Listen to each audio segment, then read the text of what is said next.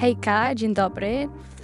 Dlaczego kawa w fajnej kawiarni jest tak droga? I wiecie co? To naprawdę nie tylko o kawie i mleku. Okazuje się, że prawie wszystko podrożało, a do tego dochodzą jeszcze koszty wynajmu lokalu i płacy dla pracowników. Więc kiedy zamawiamy jakąś fancy kawę z syropem waniliowym i mlekiem owsianym za 8 dolarów, to faktycznie płacimy za całą tę infrastrukturę wokół. Co więcej, ceny składników też idą w górę, dostawcy podnoszą ceny więc kawiarnie też muszą. Właściciele kawiarni wcale nie chcą podnosić cen, ale często nie mają wyboru. Poza tym pracownicy też chcą zarabiać więcej, co jest zrozumiałe, więc trzeba to jakoś zbilansować. Można by rzec, że jeśli chcesz luksusu, jak na przykład latte z mlekiem owsianym i syropem waniliowym, to musisz być e, przygotowany na wyższą cenę. To już nie jest zwykła kawa za parę dolarów, to jest luksus i traktowany jest jako taki. Szczerze mówiąc, z jednej strony rozumiem, że ceny rosną, ale z drugiej trochę boli, że za coś, co kiedyś było normą, teraz trzeba płacić jak za złoto. To takie, no wiecie, irytujące, ale cóż, taki mamy klimat gospodarczy. I jak chcesz oszczędzać, to zawsze zostaje kawa McDonald's czy robione w domu na przykład, ale jeśli chcesz coś więcej, to musisz za to zapłacić. Ostatecznie wybór należy do nas.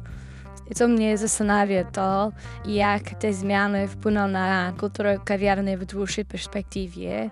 Czy fajnie kawiarny no, staną się miejscami tylko dla ludzi, którzy mogą sobie pozwolić na droższą kawę i tym samym wykluczą innych. Bo wiecie, dla mnie kawiarnia to nie tylko kawa, ale też miejsce, gdzie można się spotkać z przyjaciółmi, poczytać książkę, czy popracować na laptopie. Jest w tym jakiś specyficzny klimat, którego nie znajdziesz rzeczywiście w sieciówkach typu McDonald's.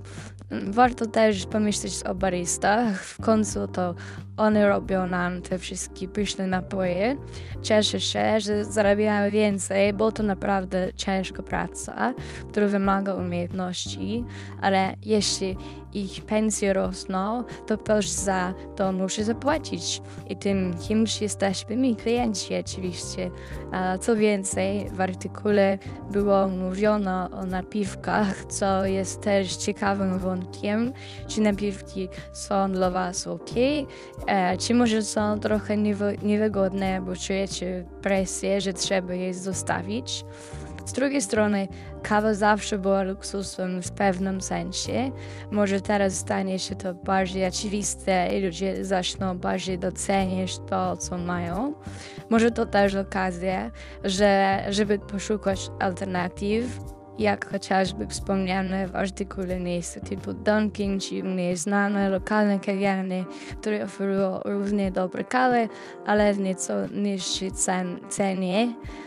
I na koniec, jeśli naprawdę kochamy naszą kawę i cenimy sobie kawiarnia, kawiarnianą atmosferę, może to jest cena, której jesteśmy gotowi zapłacić.